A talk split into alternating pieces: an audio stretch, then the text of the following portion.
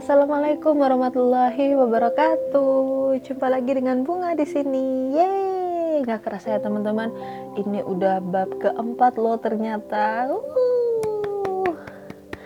Itu artinya aku sudah men-share 9 kiat tentang cinta dari buku yang sama yaitu Don't Sweat the Small Stuff in Love. Jangan meributkan masalah kecil dengan pasangan Anda. Buku ini ditulis oleh Richard dan Christine Carlson yang berisi tentang cara-cara sederhana untuk memperkuat tali cinta dan menghindari kebiasaan-kebiasaan yang dapat menghancurkan hubungan Anda. Sebelum aku membacakan tiga kiat yang lainnya, aku mau ngucapin terima kasih dulu nih buat teman-teman yang masih mau mendengarkan dan setia kepada podcast ini.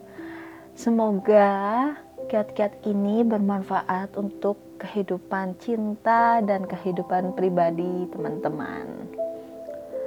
Dan karena ini sudah bab 4, maka aku akan membacakan kiat yang ke-10, 11 dan 12, yaitu berjudul Gunakan cara dia untuk berkomunikasi dengan dia.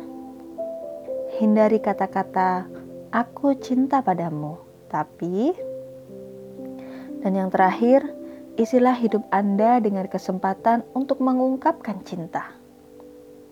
Oke, ini setelah aku mengintip sedikit, ternyata ini materinya cukup serius teman-teman. Jadi pasang telinga baik-baik karena kita akan sedikit serius di sini. So, daripada bertele-tele, langsung aja yuk kita dengerin kiat ke-10 di bab 4 ini. Gunakan cara dia untuk berkomunikasi dengan dia. Selamat mendengarkan.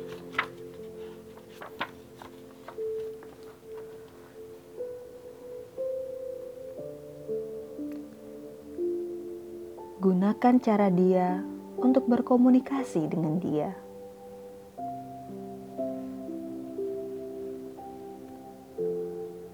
John Gray membuat rumusan hebat dalam bukunya Men Are From Mars, Women Are From Venus yaitu bahwa pria dan wanita berbeda. Memang tidak ada dua manusia yang persis sama, dan kita semua memandang dunia ini dari sudut pandang kita sendiri. Kita semua menyaring informasi melalui penyaring unik yang dibentuk oleh pengalaman pribadi kita dan cara kita memandang dunia. Anda harus bisa memahami pasangan Anda agar bisa efektif berkomunikasi dengannya, atau agar punya kesempatan untuk menjalin hubungan yang awet dan penuh cinta.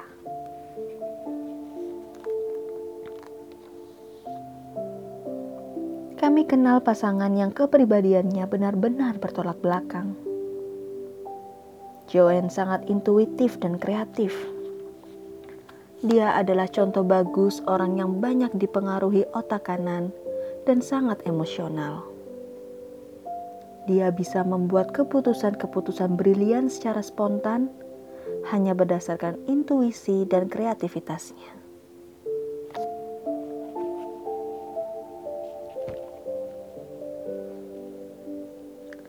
Ray sebaliknya dia orang yang 100% mengandalkan otak kiri dan sangat analitis. Ray adalah contoh sempurna tipe devil's advocate. Baginya, semua harus logis atau sama sekali tak ada harganya. Kalau tidak sependapat mengenai sesuatu, dia akan langsung berpikir tentang alasan-alasan yang membuat itu tidak masuk akal.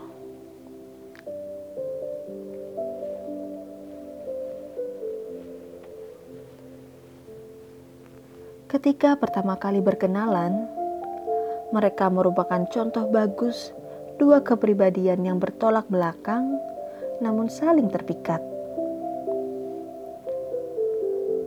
Ray menyukai spontanitas Joanne, juga kemauan dan kemampuannya untuk menikmati setiap saat dalam hidupnya. Dia merasa membutuhkan orang yang tidak seagresif dirinya dan yang lebih bisa memperkaya batin daripada dirinya. Karena itu, dia yakin Joanne adalah pasangan yang tepat baginya. Di pihak Joanne, dia jatuh cinta pada Ray karena mengagumi intelektualitas dan ketekunan pria itu.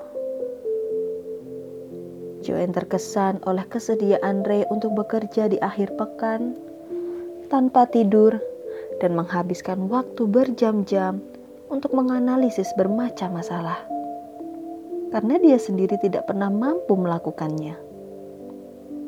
Joanne merasa mereka bisa saling melengkapi dan hidup bahagia selamanya.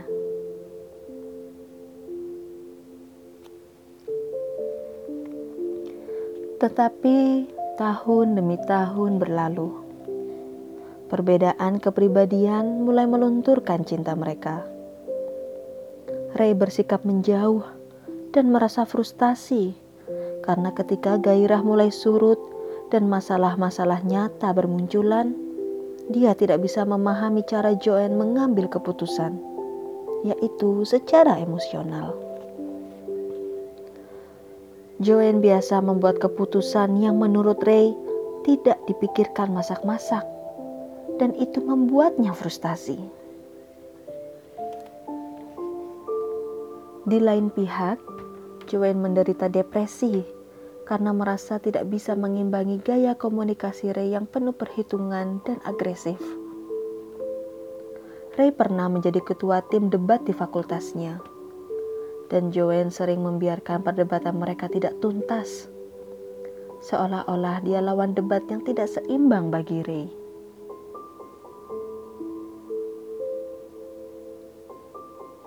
Untungnya, Joanne mempunyai wawasan terbuka. Dia menemukan cara untuk meningkatkan kemampuannya dan memelihara komunikasi mereka. Dia sadar perkawinan mereka akan hancur kalau dia tidak bisa menemukan cara untuk berkomunikasi dengan Ray. Dengan cara Ray, dengan cara yang benar-benar dapat dimengerti Ray. Sejak itu, jika yakin sedang menghadapi situasi yang bisa menjurus ke konflik, atau jika ingin mendiskusikan masalah yang sulit dan tidak mengenakan, Joanne telah belajar untuk mendaftar poin-poin penting, melengkapinya dengan alasan-alasan yang tersusun rapi dan linier, sejauh yang bisa dia lakukan. Dia tahu bahwa itulah satu-satunya cara yang akan membuat Ray mau mendengarkan apa yang ingin disampaikannya. Tetapi penting untuk diketahui bahwa Joanne tidak sampai pada kesimpulan tersebut karena merasa kalah. Dengan kearifannya, dia menemukan cara untuk membawa relasi mereka ke tingkat yang lebih tinggi. Kita semua belajar bahwa berkomunikasi dengan pasangan kita dengan cara dia akan menghasilkan komunikasi yang lebih baik. Hasilnya sungguh luar biasa.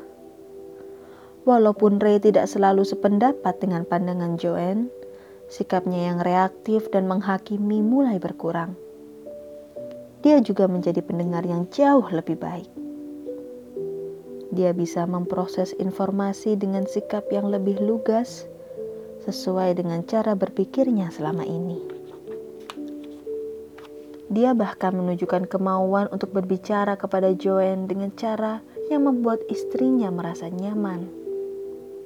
Lebih dari itu, sekarang Joanne merasa mampu menghadapi pertanyaan-pertanyaan Ray tanpa emosi berlebihan. Dia juga semakin bersemangat karena Ray kelihatannya semakin mau mendengarkan dia.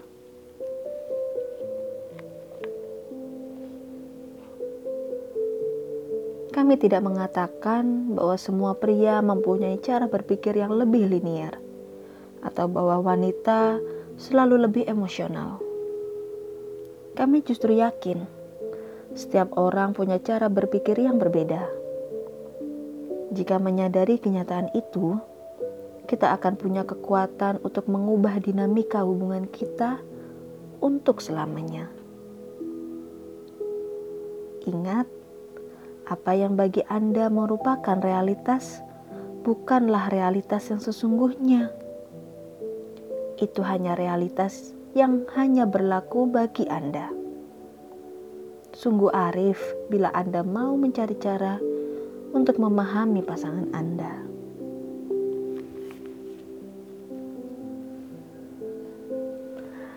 Oke, okay, teman-teman, itu kiat yang pertama di bab 4 ini. Gimana? Cukup serius kan masalah ini karena tentang komunikasi, tentang bagaimana cara kita berkomunikasi dengan pasangan atau dengan orang lain. Ya, di sini aku bisa menarik kesimpulan kalau ya tidak semuanya harus dinilai pria itu berpikir logika dan wanita itu berperasaan. Yes, itu adalah kata-kata umum yang sering kita dengar ya. Kayak wanita tuh condong ke berperasaan sedangkan pria itu lebih condong ke logika. Tapi kalau misalnya kita sama-sama nih tarik garis tengahnya di situ bagaimana kalau ketika kita berpasangan lalu kita berdiskusi? Atau mungkin kita sudah mengenal cara berpikir pasangan kita alangkah lebih baiknya kalau kita mengambil jalan tengah di situ Cara itu mungkin akan mengurangi perdebatan yang sebenarnya itu perdebatan yang kecil, masalah yang kecil, tapi menjadi besar karena ya cara kita berkomunikasi itu tidak tepat. Gimana nih menurut teman-teman? Cara berkomunikasi teman-teman dengan pasangan atau dengan orang lain? Apakah sudah 100% tepat?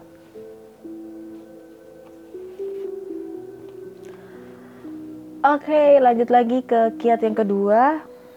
Judulnya hindari kata-kata aku cinta padamu, tapi hmm, ini menarik ya. Karena kenapa kata-kata aku cinta padamu ini harus dihindarin?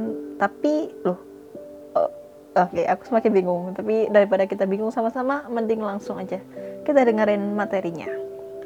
Kiat yang kedua, di bab 4, hindari kata-kata aku cinta padamu. Tapi, selamat mendengarkan.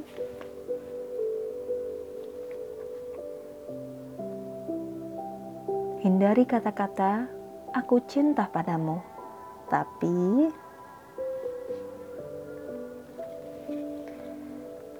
Kata-kata paling indah dan paling dirindukan orang dalam bahasa apa pun adalah "aku cinta padamu". Kata-kata ini bisa menghangatkan hati dan membuat orang senang.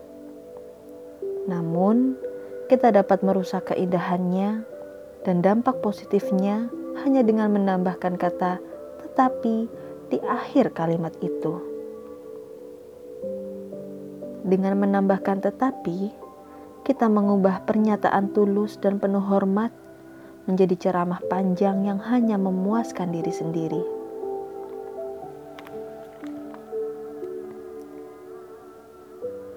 Chris adalah wanita pertama yang mengajarkan pelajaran penting ini kepada saya. Sekian tahun yang lalu, tak lama setelah kami saling jatuh cinta, Chris menatap mata saya dan bertanya begini. Sadarkah kamu bahwa dalam lima menit terakhir ini sudah dua kali kamu nyatakan cintamu padaku, lengkap dengan syaratnya. Ketika itu saya tidak tahu apa yang dia maksud. Dia menjelaskan bahwa meskipun menghargai kegemaran saya menyatakan cinta kepadanya, kata-kata saya terdengar kurang tulus karena saya tambahi persyaratan tertentu.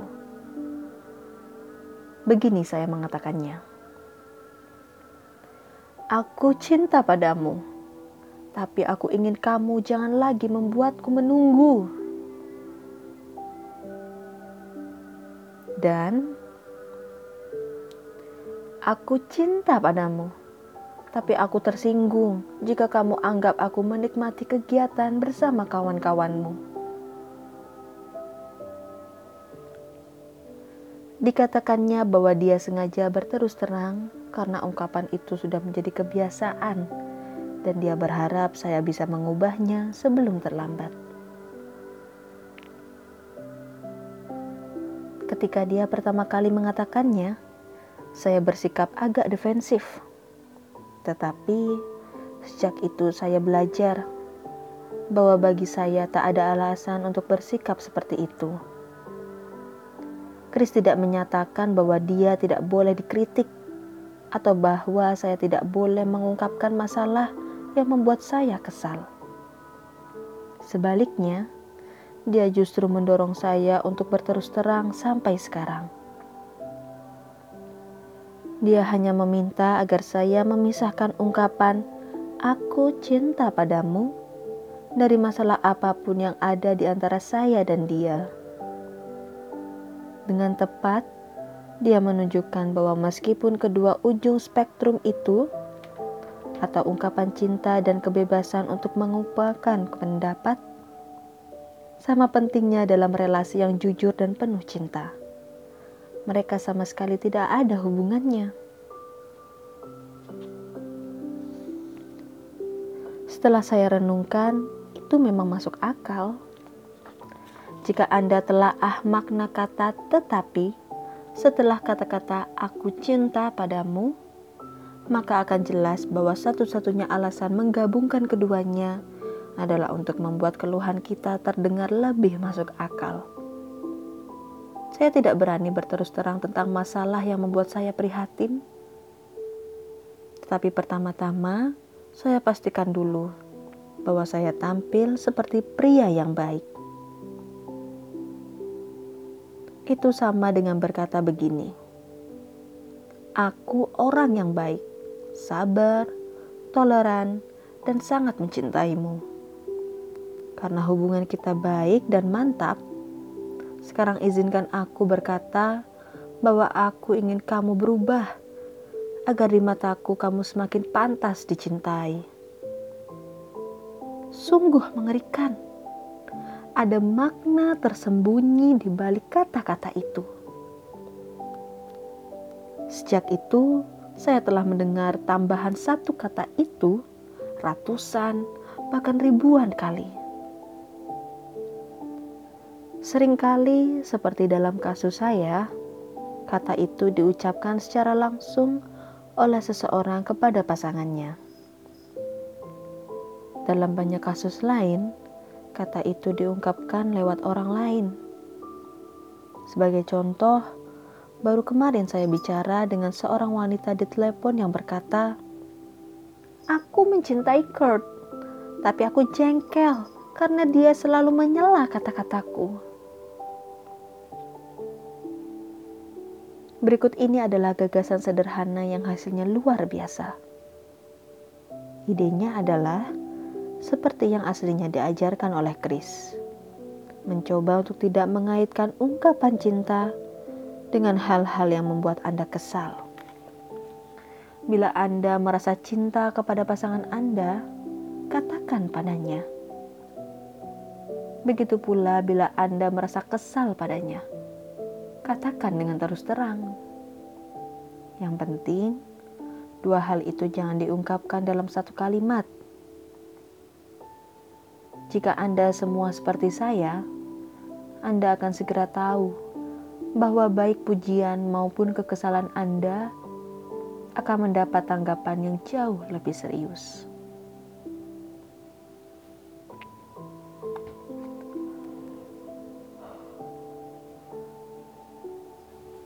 Oke teman-teman, itu tadi kiat yang kedua. Wow, ini serius ya. Karena terkadang kita tidak sadar ketika kita kesal lalu mengungkap menggabungkan dua ungkapan ini, ungkapan aku cinta padamu dan ungkapan kekesalan kita. Coba teman-teman flashback Mungkin teman-teman pernah melakukan hal seperti ini. Mungkin contohnya, aduh, dia itu tukang bikin onar, nyebelin. Tapi untungnya aku sayang. Atau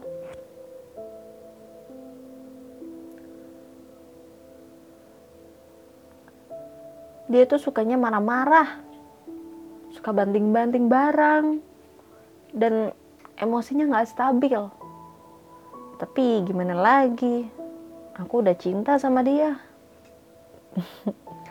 Itu sebenarnya hal yang sama teman-teman, tapi hanya dibalik aja. Menggabungkan kekesalan kita, lalu diakhiri dengan gimana? Aku emang udah kadung cinta. Pernah nggak teman-teman merasa seperti itu? Coba kita flashback sama-sama. Oke, kiat yang ketiga nih, kiat yang terakhir di bab 4 ini. Judulnya, isilah hidup Anda dengan kesempatan untuk mengungkapkan cinta. Hmm, ya, tapi kan aku nggak punya pasangan. Nah, ini akan Aku jelaskan lebih rincinya, jadi siap-siap mendengarkan.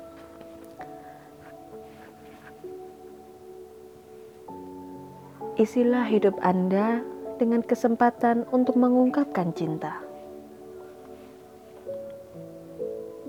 Selama bertahun-tahun, banyak orang mengatakan kepada kami tentang kerinduan mereka untuk mencintai. Kami sangat memahami kebutuhan dan dambaan mereka untuk menjalin hubungan yang penuh cinta. Tetapi penting untuk diketahui bahwa ada banyak cara lain, bukan hanya menjalin hubungan yang romantis, untuk mengisi hidup Anda dengan cinta.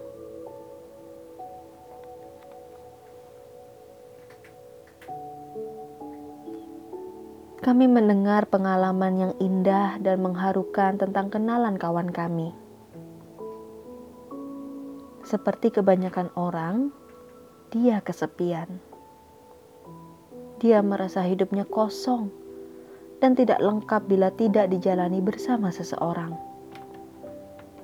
Kawan-kawannya menawarkan bermacam-macam saran dengan maksud baik. Mereka mencoba menjodohkannya, mendorongnya agar lebih banyak bergaul, mendaftarkannya menjadi anggota sejumlah klub, dan mengikuti kursus tertentu, atau menganjurkannya mencoba cara-cara tradisional lainnya untuk berkenalan dengan kaum bujangan. Namun, tak satu pun berhasil. Kemudian, seseorang menyarankan agar dia mendermakan waktunya saran itu diterimanya. Dia mulai bekerja sebagai relawan di rumah perawatan orang lanjut usia. Perbuatan penuh kasih yang sederhana itu benar-benar mengubah hidupnya. Singkatnya, dia jatuh cinta secara metaforis pada seorang wanita berusia 90-an pengalaman berbagi dan memberi cinta, membuka hatinya dengan cara-cara yang tak pernah dibayangkannya. Dia merasa dihargai dan dihormati. Hatinya terbuka, dan dia mulai memancarkan cinta melalui setiap aspek hidupnya. Dia merasa lebih bahagia, lebih damai, dan lebih puas daripada sebelumnya. Dia telah memperluas definisi cinta. Rasa cinta itu menular. Bila hati Anda terbuka dan Anda sibuk berbagi cinta dengan orang lain, maka Anda justru akan menerima lebih banyak ungkapan cinta. Tak lama kemudian, wanita itu menjalin hubungan khusus dengan seorang pria yang sudah lama dikenalnya.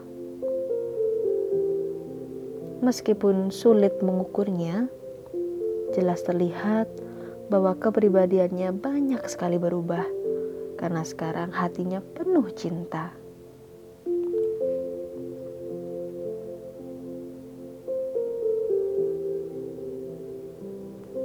Cinta yang romantis, jalinan cinta antara dua manusia, perkawinan, semua hal itu menakjubkan.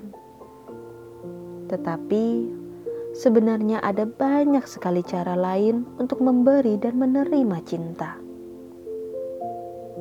Anda bisa mencintai binatang kesayangan Anda, alam, pekerjaan menjadi relawan, kegiatan sosial yang bermanfaat, bahkan hobi Anda. Apa pun yang Anda nikmati akan memperkaya jiwa dengan cara penuh kasih. Memberi Anda kesempatan untuk berbagi cinta dengan sesuatu atau seseorang dan mempunyai potensi untuk mengisi hati Anda dengan cinta. Salah satu masa-masa paling menyenangkan dalam hidup saya adalah di perguruan tinggi. Saya menjadi relawan di organisasi Big Brother of America. Pengalaman itu mengubah hidup saya. Saya sempat menghabiskan waktu dengan seorang bocah laki-laki menakjubkan yang waktu itu baru berumur enam tahun. Saya yakin Bukan suatu kebetulan bahwa tak lama setelah itu saya berkenalan dengan Chris. Bila hati kita penuh cinta, tidak peduli apakah cinta itu kita arahkan kepada manusia, binatang, Tuhan, alam, atau pada kehidupan, kita meletakkan diri kita pada posisi yang mampu menarik cinta. Bila hati kita penuh cinta, dan kita bagikan cinta itu, kita menjadi lebih ramah, lebih lembut hati, dan lebih sabar. Perspektif kita diperluas, dan kita menjadi lebih puas.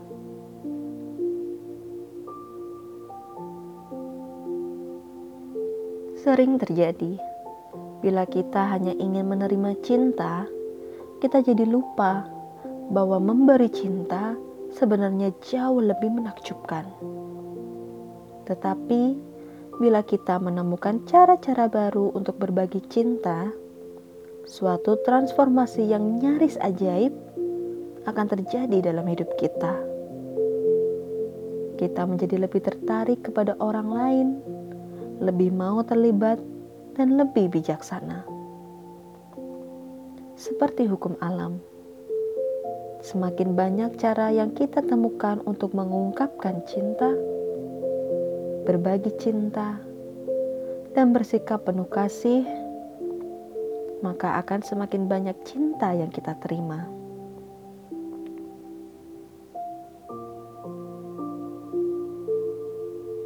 Mungkin saat ini Anda sedang menjalin hubungan yang romantis, mungkin juga tidak, atau Apakah Anda ingin menjalin hubungan seperti itu atau tidak?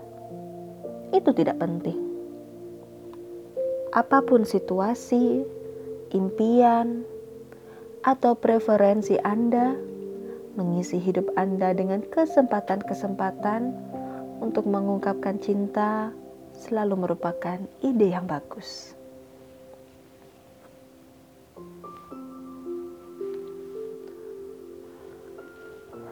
Wow, bagaimana teman-teman? Apakah hari ini teman-teman sudah mengungkapkan cinta? ya, kita harus mengisi hari-hari kita untuk mengungkapkan cinta. Gak harus sama manusia kok, bisa sama hewan hewan peliharaan juga bisa. ya, jadi gimana teman-teman? Menurut teman-teman tentang materi ini? kayaknya benar sih bukan benar emang benar karena terkadang misal nggak usah jauh-jauh kita tuh sering melihat mendengar atau bahkan memiliki ungkapan atau moto do what you love and love what you do. Itu bukan kata-kata yang cuman sekedar ah kata-kata. Tapi itu it's real. Karena kalau misalnya kita tidak mencintai sesuatu lalu kita tidak bersemangat, akhirnya kita akan mendapatkan imbalan yang kurang baik juga kan?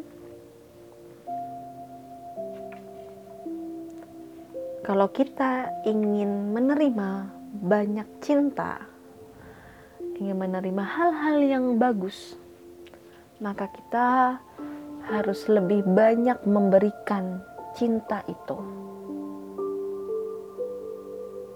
Apa pun subjeknya. Gimana? Menurut teman-teman? Mungkin teman-teman ada pendapat yang lain? Kita renungkan bersama-sama. Tapi mohon maaf aku tidak bisa menemani teman-teman lebih jauh lagi karena ya kita sudah melewati tiga kiat dan waktunya aku untuk pamit undur diri. Terima kasih kepada teman-teman yang mau mendengarkan bab 4 ini. Semoga kiat-kiatnya dapat mengubah perspektif kita. Sampai jumpa di bab kelima. See you, tetap bahagia. Wassalamualaikum warahmatullahi wabarakatuh.